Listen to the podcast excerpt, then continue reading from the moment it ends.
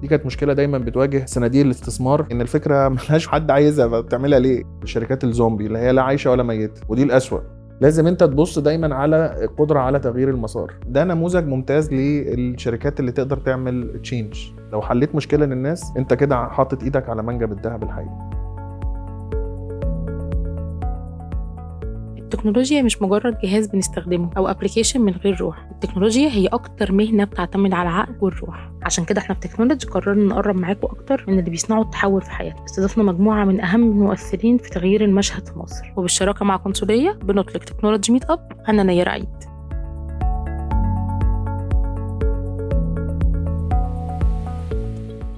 برحب بحضرتك أستاذ طه رئيس مركز التكنولوجيا المالية في البنك المركزي. عايزين نعرف من حضرتك التطور اللي حصل في ال career path اللي وصل حضرتك منصب كبير زي ده. أشكرك يا نيرة جدا وإن شاء الله ربنا يوفقكم في ال content اللي أنتم بتعملوها وتكون مفيدة. مركز التكنولوجيا المالية آه، عبارة عن رؤية من البنك المركزي المصري لدعم الشركات التي بتعمل في مجال التكنولوجيا المالية اللي هي ال FinTech وفي نفس الوقت وسعنا ال scope أو الإطار بحيث إنها تشمل الشركات اللي بتستفيد من التكنولوجيا المالية بنسميها ال FinTech enable أنا ممكن أكون مش بالضرورة بعمل بنشاط التكنولوجيا المالية لكن التطبيق أو ال application أو الشركة بتاعتي محتاجة ال FinTech enablement دول برضو حاطينهم نصب أعيننا. أنا خدت co-founder للجريك كامبس اللي هو يعني بنعتبره حاليا من أفضل الأماكن لل ecosystem والتواصل مع الشركات الناشئة. وكنت شغال في EFG المجموعة المالية هيرميس كمدير للاستثمار. فأعتقد يعني الخبرتين دول كده هيدونا إن شاء الله فرص للنجاح في المركز يعني. خطة عمل المركز هتبقى عبارة عن إيه؟ وهنبدأ إمتى نشوف أول دفعة من الشركات اللي داخلة؟ وإيه هي الشروط اللي ممكن شركة تستعد بيها من دلوقتي عشان تبقى موجودة في المركز؟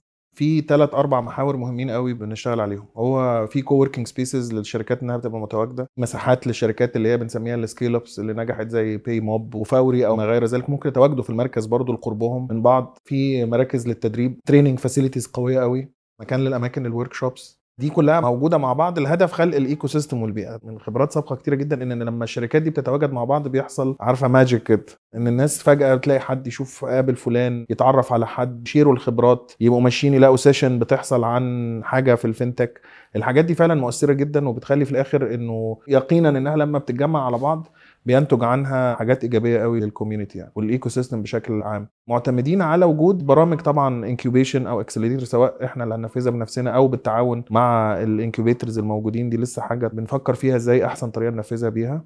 ومهتمين جدا بجودة المادة التعليمية اللي إحنا بنقدمها في المكان. بنسعى جادين إن يكون في محتوى مهم وحريصين إن إحنا نعمل المحتوى ده كمان يبقى موجود اونلاين بحيث الناس ممكن تستفيد منه ما يبقاش بس مرتبط بإن أنت تبقى موجود physical يعني.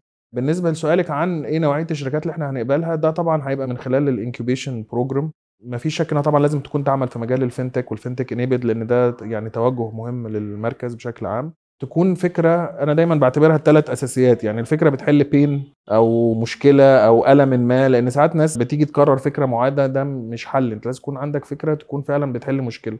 لو الفكرة بتحل مشكلة يبقى معناها إنها فينا حد عنده المشكلة دي وأنت هتحلها له من خلال ال application أو من خلال ال startup بتاعتك. وتكون financially rewarding وليها عائد. والحاجة الثالثه إنها scalable ما تبقاش فكرة محدودة.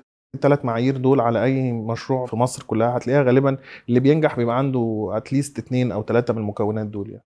وجه التعاون بين مركز التكنولوجيا المالية والبنوك هيبقى إيه؟ وهل في فعلا بنوك ابدت استعدادها إنها تدخل تستثمر في المركز ولا لأ؟ قطاع التكنولوجيا المالية طبعا ارتباط وثيق جدا بالبنوك بدون شك إن إحنا اتكلمنا مع عدد كبير قوي من البنوك وهم already بالفعل عندهم يا إما برامج لدعم الشركات الصغيرة إحنا ما اتكلمناش عليها قوي برضو لأن ده مهم قوي مش بس الشركات الناشئة المركز حاطط نصب اعينه الشركات ال SMEs دي مهمة قوي. بالعكس يعني إحنا أنا من الرؤيه اللي عندي إن إحنا نعمل برامج دعم للشركات ال small and medium أتوقع إن معظم البنوك بشكل أو بآخر هتبقى ليها تواجد في المركز من خلال دعم الشركات الناشئة أو دعم البرامج اللي إحنا بنعملها في المركز أو من خلال ال membership والاشتراكات اللي إحنا بنعملها للأعضاء. هو ده الحتة اللي إحنا بنتمنى إن القطاعات كلها تتواجد فيها. ونقدم لهم محتوى الناس. يعني البنك نفسه يبقى عارف إنه إيه الاستفادة اللي هتجيله الاستفادات هتبقى من خلال ال accelerator program أو ال incubator program ده هدفه إخراج شركات ناشئة بتعمل في مجال التكنولوجيا المالية معده للاستثمار أو قابله للاستثمار مرت بمراحل تخليها معدة إن فعلا البنك لو عايز يبص على الموديل ده أو يستثمر فيه يبقى الشركة دي يبقى عارف إنها مطمنة. دي كانت مشكلة دايما بتواجه صناديق الاستثمار إن هي بتنزل تبص على الفرص الاستثمارية تلاقي دايما الشركة الجزء ال legal مش واضح ال startup خرج وهو لسه ما عندوش كل المكونات. فبنأمل إن تكون مسرعة الأعمال دي هي الطريق لإن وجود الشركات دي في pipeline كده يخلي القطاع كله يتحرك يعني. طيب مصر يعني السنتين اللي فاتوا دول كان فيها أكتر من unicorn وكانوا بيركزوا بشكل أو بآخر على ال fintech إزاي الشركة تقدر تبقى unicorn؟ وهل وجود مركز متخصص في التكنولوجيا المالية بيساعد على خلق فرص كبيرة زي اللي حصلت دي؟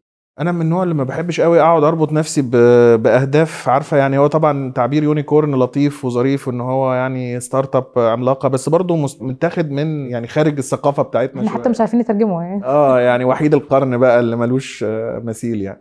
لكن الفكرة مطلوبة ومهمة آه، إن يبقى في شركات آه، نجحت في إنها يبقى الأسس المالية بتاعتها من الضخامة والحجم إنها تبقى على المستوى العالمي ظاهرة يعني.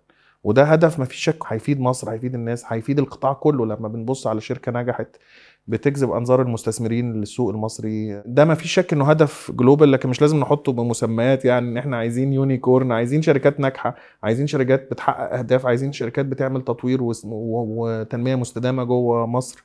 عايزين شركات بتحقق الأهداف اللي إحنا حاطينها وبتفيد الكل. أعتقد ده اللي بيخلق ال unicorns في الآخر. طيب بما إن إحنا اتكلمنا عن الشركات الناجحة إيه هي المعايير اللي حد يقدر يبص على شركته لو ماشية فيها ويعرف إنها كده ماشية فعلا في الطريق الصح ناحية النجاح كستارت أب؟ بصفة عامة أنا وجهة نظري إنه التركيز على الفريق. أنا عارف الناس كلها بتقول الكلمة دي هي بقت مطاطة قوي ويعني الناس ساعات تاخدها بشكل سطحي.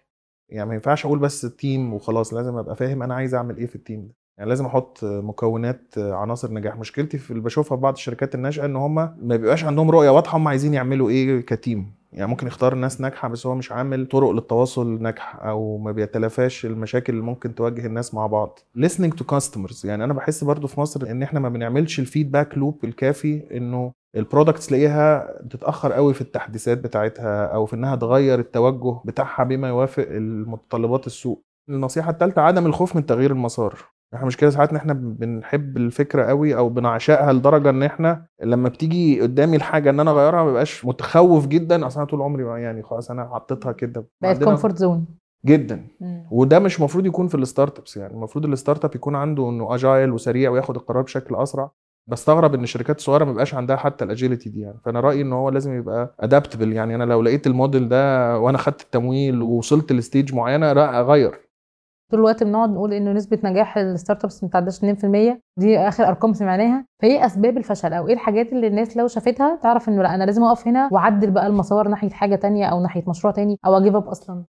الفشل هو عبارة عن إيه؟ إن الفكرة ملهاش حد عايزها بتعملها ليه؟ الفشل مش عيب فيك أنت هو بس إن مفيش حل ال pain يعني. هو أنت فكري كده في أي حاجة بتستخدميها أنت بتستخدميها عشان بتوفر لك حل الحاجة فأنا ممكن أقعد أحلم بأفكار مش بتحل حاجة لحد فاكيد هتفشل يعني. في تطبيقات بتبقى جاية قبل وقتها الناس لسه مش متعودة. يعني ممكن تكون حاجات سابقة زمانها شوية ما تنجحش نتيجة العامل الزمني وتيجي في وقت توقيت تاني تبقى أكثر نجاحا يعني. فعامل الزمن ان هو الحاجة أصلا معروضة إنها ما بتعملش ال pain عدم الاستماع لل consumer ودي الحتة اللي أنا قلت لك عليها في الأول إنها مرتبطة جدا بعامل الفشل إن إن هو ما بيطورش المنتج بالكفاية اللي تخليه يبقى adaptable والناس تحل له ال pain يعني. ممكن كان هو لو سمع لل clients وغير المنتج بتاع شركته أو الخدمة اللي هو بيقدمها كان نجح أكتر في إن هو يتحول إنه يقرب لحل مشكلة الكلاينت دي من أسباب الفشل. أعتقد إن إحنا ساعات وده بقى الأخطر ويعني هستلف تعبير من صديق أيمن عاشور. هو قال وأنا بحبه قوي اللي هي الشركات الزومبي اللي هي لا عايشة ولا ميتة ودي الأسوأ اللي هي تمويلها لا خلص ولا عدت وبقت لا بتشتغل ولا بتتطور. الشركات الناشئه لو قعدت فترة طويلة فترة الزومبي دي اللي هي ما هي مش قادرة تتطور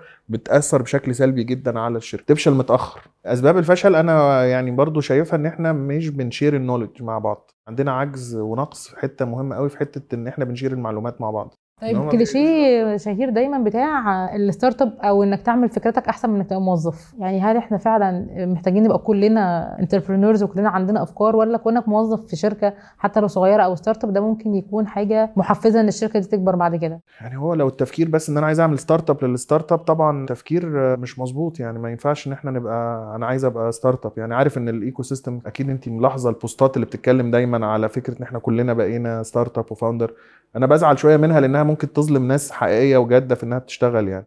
المفتاح في الحتة اللي أنا قلتها لك في الأول ال product أو ال service أو الخدمة اللي أنت بتقدمها بتحل وجع لشخص ما أو أشخاص معينين؟ هو ده سر اللي أنت ممكن من خلاله تسيب شغلك وتدور على حل ليه. لأن مفيش غيرك فكر فيها فبالتالي الحل ده مميز وهناك من يستعد إن يدفع لك مبلغ مقابل إن أنت يستخدم هذه الخدمة. هل التنامي اللي بيحصل في التكنولوجيا المالية هيقضي على دور البنوك ولا هتفضل زي ما هي بتقدم دورها كانفراستراكشر مهمة لإدارة القطاع المالي؟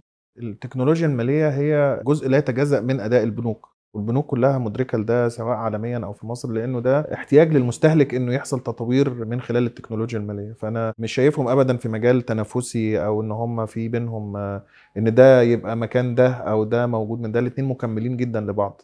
من التجارب اللي بحبها جدا في مصر مكسب الشركة دي نموذج للشركات اللي هي فعلا بتحل بين زي ما إحنا كنا اتكلمنا في الأول يعني لأن هم عاملين تطبيق منها التاجر اللي بيشتري أو صاحب الكشك العادي خالص اللي شوف إزاي ده ابتدى يتطور إنه يخش في التكنولوجيا المالية أو يبقى عنده تطبيق بيسمح ده بقى يطلب المنتجات بتاعته من خلال التطبيق. طب إيه الميزة اللي استفادها إنه كان بيطلب كذا منتج من كذا مورد فبالتالي أنت عندك كل دول كانوا بيقعدوا يجولوا وبعدين في عملية التحصيل و... النهارده بقى عنده مكان واحد وتطبيق واحد يقدر يطلب منه مجموعة أكبر من المنتجات وبقى شايف سعر فاتورة واحدة الحاجة بتجيله كلها مرة واحدة. مش عارف كان بالفعل موجود ولا لأ إن هو يقدر يدفع من خلال credit فبصي شوفي كم الاستفادات اللي جت. عندهم warehouse كبير مخزن واحد بيخزن المنتجات. ده نموذج ممتاز للشركات اللي تقدر تعمل change إنها غيرت حاجة موجودة فعليه حولتها لشكل أفضل يخدم الجميع. ف that's win win product it solves pain حد بقى مستفيد من الخدمة جدا. هي دي الحاجات اللي إحنا بندور عليها. فرجوع لسؤالك هل أنت شايفة الإطار ده؟ هي دي الشركات اللي هي البنوك ما زالت موجودة التكنولوجيا المالية موجودة التاجر موجود كل العناصر موجودة بس بشكل أفضل وأسرع. إحنا دلوقتي ظهر عندنا مفهوم جديد يمكن في مصر اللي هو مفهوم BNPL فهل ده يعتبر جزء من ال- التكنولوجيا المالية كذلك ولا شكل آخر للتمويل الاستهلاكي ال BNPL اللي stands for buy now pay later طبعا منتج مطلوب والمستهلك محتاجه ومين فينا ما اتزنقش في موبايل في هدية في حتة عايز يجيب حاجة فطبعا وسيلة لطيفة ومطلوبة ومفيدة. أنا دايما زي ما قلت لك المقياس اللي بحطه في الأول هو بيحل مشكلة للمستهلك أو العميل ولا لأ. طالما الخدمة موجودة وليها حد عايزها فبالتالي هي مفيدة. وهي مكملة للنظام البنكي بالعكس يعني لا جزء لا يتجزأ منه. وفي ناس كتيرة زي ال application Lucky مثلا اللي عاملين points ودخلوا دلوقتي برضه في ال cards لا ال BNPL هيكبر عن كده كمان. السؤال دايما الناس بيسالوا نفسهم لما يجوا يبدأوا startup إمتى أعرف إن أنا كده لو ما حققتش مكسب أقف بقى؟ أو نظرية حرق الفلوس. يعني هو بياخد تمويلات يحرقها وبعدين ياخد تمويلات ويحرقها. إمتى أوقف وأقول أنا لازم أعمل هنا break even لازم أبدأ بقى أكسب فلوس. لو تفتكري إحنا كنا اتكلمنا الأول على حتة القدرة على تغيير المسار. لأن الشركة الناشئة لو أنت مجرد بتحرق لهدف الحرق أو إن أنت عندك كنت واعد المستثمر بتاعك إن أنت توصل ل targets معينة في أهداف معينة فأنت عايز توصل لها بغض النظر عن الفلوس اللي أنت بتحطها دي بتدي لك العائد اللي أنت مستنياه ولا أظنش إن في حد فينا عاقل هيبقى عايز يعمل كده ابدا يعني. لازم أنت تبص دايما على القدره على تغيير المسار ودي المشكلة اللي الشركات الناشئة ما بتنجحش فيها. إنه بيفضل مكمل في إن هو عايز يوصل لل target اللي كان حاطه في الأول حتى لو الواقع اللي على الأرض اتغير لدرجة إن هو محتاج يغير طريقته. في ساعات علاقة خوف بين الشركات الناشئة والمستثمرين فدي بتخليهم مش قادرين يعبروا قوي عن أفكارهم. ممكن يبقى شايف الحاجة الصح بس قلقان المستثمر يقول طب ما أنت قلت لي وهنوصل لل targets بتاعتك.